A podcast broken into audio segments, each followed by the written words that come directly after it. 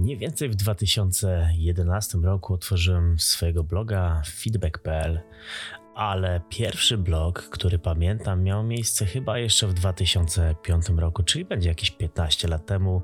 Był to blog, który był poświęcony pracy nad sobą po części, ale w takiej bardzo e, konkretnej formie, czyli opowiadałem o szkoleniach, o tym, jak podchodzę do swoich studiów Ba, przygotowywałem dla innych studentów e, podpowiedzi na egzaminy z sieci i z programowania. E, dzisiaj się z tego śmieję, bo myślę sobie, gdzie utknął mój skill technologiczny, ale tak było, rzeczywiście tak było. I to też jest trochę tak, że już od samego początku, kiedy zacząłem działać w sieci, czułem swego rodzaju odpowiedzialność za to, co zostawiam w internecie cały czas mam takie poczucie, że szczególnie dzisiaj, 2020 rok, słuchajcie, dzisiaj bardzo łatwo jest stracić czas, zgubić czas.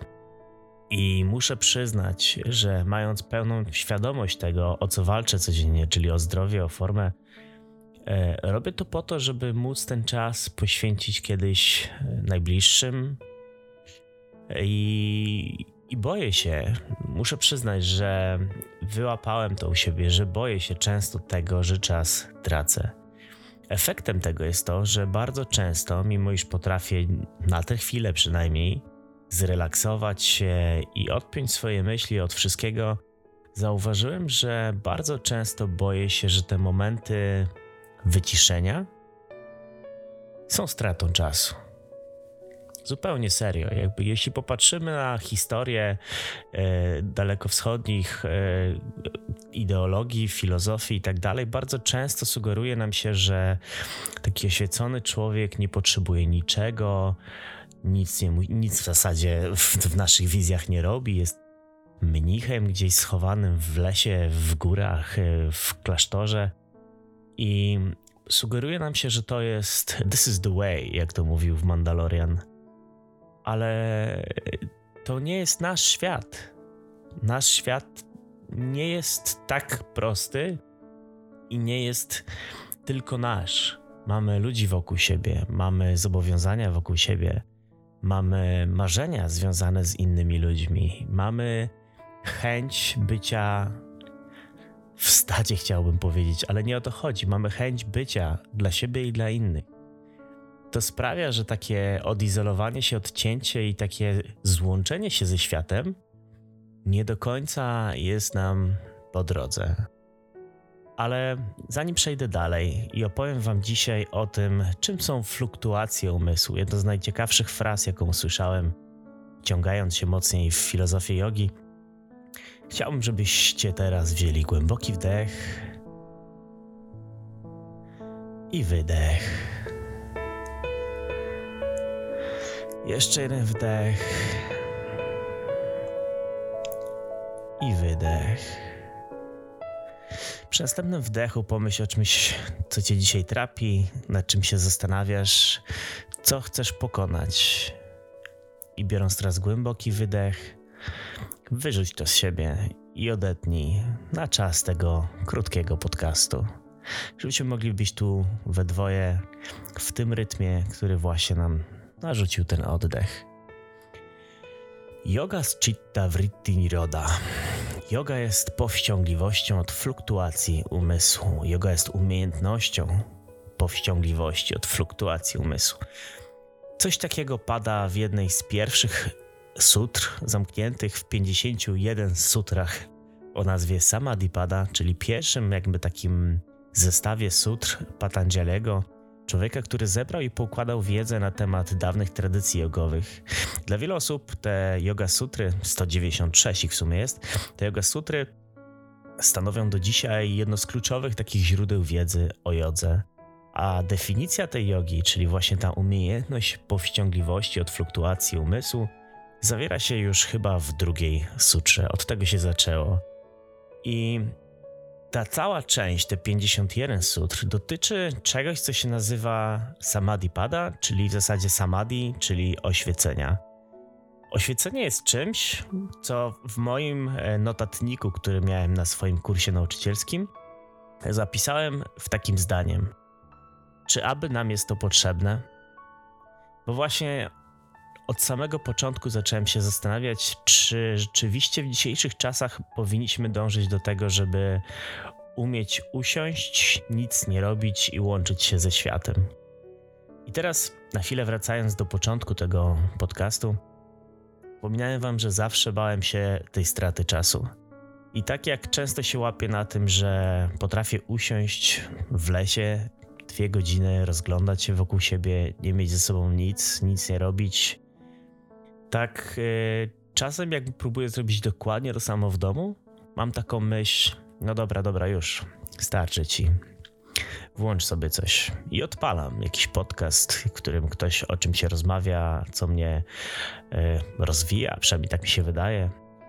Dodaje mi nowych punktów widzenia, pokazuje mi nowe spojrzenia na świat, pokazuje mi nową rzeczywistość, czy uzupełnia moje braki wiedzy, czy w ogóle uzupełnia moją świadomość o nowe informacje. I potem z kolei mam taką, takie poczucie, że ta ciągutka za nową informacją i za wypełnianie mojego mózgu nowymi, nową wiedzą zaczyna być zgubna, bo w którym momencie mogę ustalić, że okej, okay, na dzisiaj starczy. Co to znaczy starczy? Według kogo? Według jakiej miary? Według jakiej miary wystarczy nam relaksu? Z pewnością wiecie, że jeżeli spędzimy zbyt dużo czasu w łóżku, e, obudzimy się, nie wiem, o 6 rano, ale będziemy tak bezczynnie leżeć do 10, to mamy prawdopodobnie resztę dnia z głowy. Będzie nas bolała głowa, będzie nam po prostu słabo. I to przez to, że przesadziliśmy. To jest taki w miarę w miarę jasny punkt, w którym wiesz, że you went too far.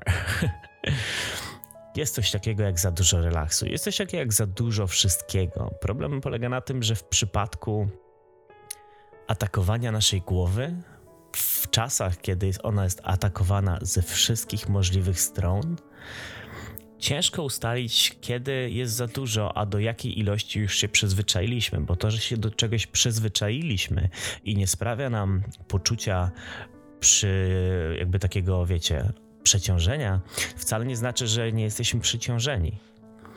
To się odczuwa dopiero wtedy, kiedy pozwolimy sobie na ten kontrast, kiedy pójdziemy do tego lasu, usiądziemy na chwilę i nagle zaczniemy zauważać, wow, ale mi lekko. Wróćmy jednak do tych fluktuacji. Fluktuacje jest takie słowo, którego szukałem e, definicji, szukałem, czy jest to gdzieś w psychologii opisane.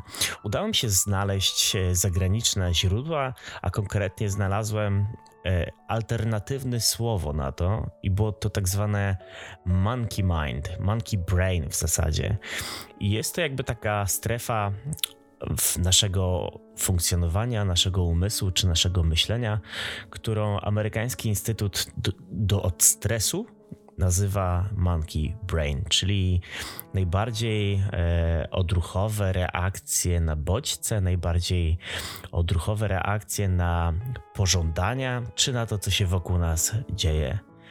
Kiedy reagujemy na coś odruchowo, to tak naprawdę nie mamy nad tym kontroli. To się po prostu dzieje trochę bez naszej trochę bez naszej woli. To jest taki akcja, reakcja, która przez lata jest w nas wyuczana lub która się gdzieś wytworzyła.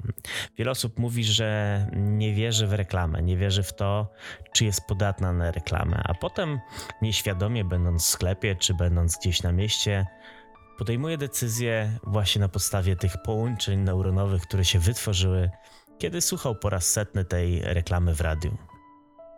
Te wszystkie rzeczy są szkodliwe, są dla nas niszczycielskie, ale przede wszystkim są poza naszą kontrolą. A na tym polega szukanie spokoju i takiego takiej radości większej z siebie i ze swojego życia, żeby czuć jednak tę kontrolę. Stwierdzenie oddać się oddechowi, to też jest oddawanie się własnej kontroli, bo zauważ, Nie wiem, czy kiedykolwiek e, mieliście okazję, nie wiem, na przykład wyłączyli wam w bloku czy w domu wodę na jakiś czas. Potem po dłuższym czasie braku tej wody, braku ciśnienia w kranie, kiedy odpalacie ten kurek, nagle ten kran zaczyna strzelać. Zaczyna strzelać wodą, zaczyna strzelać. Czasem wypluje trochę rdzy z rur, czasem po prostu ochlapie cię i całe ubranie. Ale ten efekt strzału z kranu myślę, że wszyscy znamy. Tak wygląda nasze oddychanie, kiedy nie kontrolujemy go.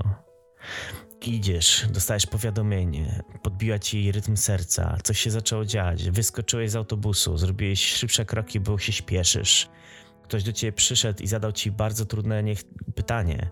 Ktoś inny sprawił, że jest ci niezręcznie, i nagle ten twój rytm serca, on gdzieś tam się zaburza, zaczyna strzelać, a razem z nim idzie twoje oddychanie, a razem z tym oddychaniem idzie wszystko inne. Wszystko opiera się na oddychaniu, i ta świadomość tego jest jedną z pierwszych writi, czyli takich rozwiązań, które oferuje nam yoga w kontekście tego, żeby znaleźć swój rytm, swój spokój. Ja nagrywając ten podcast bardzo się boję, żeby was czego czasu nie tracić. Siadam do odcinka i zastanawiam się, jak to zrobić, żebyśmy po wysłuchaniu, po spędzeniu tych już 12 minut, czuli, że spędziliśmy ten czas dobrze. Jeżeli po dzisiejszym zastanowisz się nad tym, jaki masz rytm dnia, jak wygląda kontrola Twojego oddechu i jak bardzo dajesz się kontrolować wszystkiemu wokół pod względem właśnie tego rytmu, to ja będę zadowolony. Bo to jest taki początek, to jest taki początek pracy nad swoim spokojem. Pełna świadomość tego, co się z nami dzieje pełna świadomość tego, jak się zachowujemy, jak reagujemy, jak się nie kontrolujemy. Na przestrzeni lat w ramach feedbacku testowałem bardzo dużo różnych suplementów. Niektóre z tych suplementów mają wpływ na Twój charakter, na Twoje zachowanie. Jednym z najbardziej widocznych w tym kontekście suplementów dla każdego człowieka jest kofeina. Poranna kawa. Poranna kawa, czy też poranny dopalacz, bo kiedy jej nie macie, stajecie się drażliwi, stajecie się powolni, stajecie się nerwowi. I potem pijecie tę kawę i nagle macie chęć, nagle macie lepsze samopoczucie, a przecież w jednym i w drugim przypadku, który dzieli te 20 minut od zrobienia kawy do jej wypicia, to jest ta sama osoba, prawda? To jest ten sam człowiek. I w jednej chwili jesteś dla kogoś nieuprzejmy, bo jeszcze nie wypiłeś kawy, a w drugiej moment, chwili chcesz z tą osobą podbijać świat. Ta kawa przejmuje nad tobą kontrolę, bo wpływa na twój rytm, wpływa na twój na twoje serducho, wpływa na twoje tempo. Takich kaw, takich kofein, takich elementów w naszym życiu jest bardzo dużo. Rzecz jest w tym, że trzeba umieć powiedzieć sobie: OK, nie wypiłem jeszcze kawy, czyli pewnie dlatego w tej chwili, patrząc na tę osobę, mam ochotę ją zamordować. Z pewnością odczuwali się coś tak nieraz. E, są takie memy w internecie. Jeżeli są to, no jest coś takiego na memach, znaczy, że to działa. I takich kaw jest znacznie więcej. Są elementy typu korki na mieście, są elementy typu powiadomienia, które przychodzą na tematy, których nie chcieliśmy teraz widzieć. Są telefony, na które nie byliśmy przygotowani. Jest masa różnych rzeczy, które na nas wpływa, a na które my mimowolnie tym naszym monkey brainem pozwalamy się kontrolować. I teraz ja zauważyłem po wielu rzeczach, że zmienia mi się charakter, zmienia mi się samopoczucie, zmienia się nawet moja wrażliwość. Więc często jest tak, że kiedy wiem, że coś zaczyna na mnie wpływać, to po prostu się zamykam. Po prostu się zamykam, słyszę tę wojnę, która tam się dzieje w głowie, która mi mówi, a odgryź się, a weź powiedz temu, tamtemu, to czy tamto. A ja mu mówię, ty siedź cicho, ty nie jesteś mną, to ja tu decyduję, kiedy się odezwę. Odezwę się, jak będę czuł, że to jest mój wybór, a nie twój. Że to ja chcę teraz to powiedzieć, ja wezmę na siebie konsekwencje, a nie ty. Bo wiecie w co? Nie możesz pójść do człowieka i mu powiedzieć: Sorry, nie, że zraniłem twoje uczucie, to po prostu przez to, że nie wypiłem kawy. Jakby jesteśmy dorosłymi ludźmi. Nie mamy na kogo zrzucać winy, nie powinniśmy na nikogo zrzucać winy. Zrzucanie winy na innych to zrzucanie odpowiedzialności. Zrzucasz na kogoś odpowiedzialność całkiem szczerze, bo w Twoim odczuciu to nie Ty powiedziałaś, powiedziałeś to czy tamto. To Twoje braki w dzisiejszej energii, to ta słaba pogoda, czy to, że dzisiaj wdepnęliście w kałużę a prawda jest taka, że to jest Twoja wina i odpowiedzialność, i trzeba się nauczyć z tym funkcjonować. Także yoga jest powściągliwością od fluktuacji umysłu. Taki wątek dzisiaj Wam narzucam, taki wątek, który trochę definiuje tym to, za co nam się jogę prezentuje, kiedy zaczynamy swoją ścieżkę jogi od faktycznego jej poznawania, a nie od pójścia na praktykę. Bardzo podoba mi się ten kierunek, bo sprawia, że też łatwiej jest później wytrzymać na macie te pozycje trzymane dłużej, czy łatwiej jest e, nie odpuścić po jednej, dwóch czy trzech praktykach, kiedy to nie wygląda tak, jakbyśmy chcieli. Łatwiej jest to wszystko zrobić, bo wiesz po co to robisz. A robisz to po to, żeby odzyskać kontrolę. Fajnie jest mieć kontrolę. I teraz, zanim zakończę, chciałbym, żebyście wzięli teraz głęboki wdech. Głęboki wydech. Pomyślcie o czymś, nad czym chcielibyście dzisiaj przejąć kontrolę. Weźcie głęboki wdech. I z głębokim wydechem wypuśćcie do świata tę energię i tę swoją kontrolę, żeby przejęła wszystko, co jest wokół Was i pozwoliła Wam lepiej cieszyć się tym i każdym kolejnym dniem. Ja nazywam się Arwind. Dzięki za słuchanie. Do usłyszenia.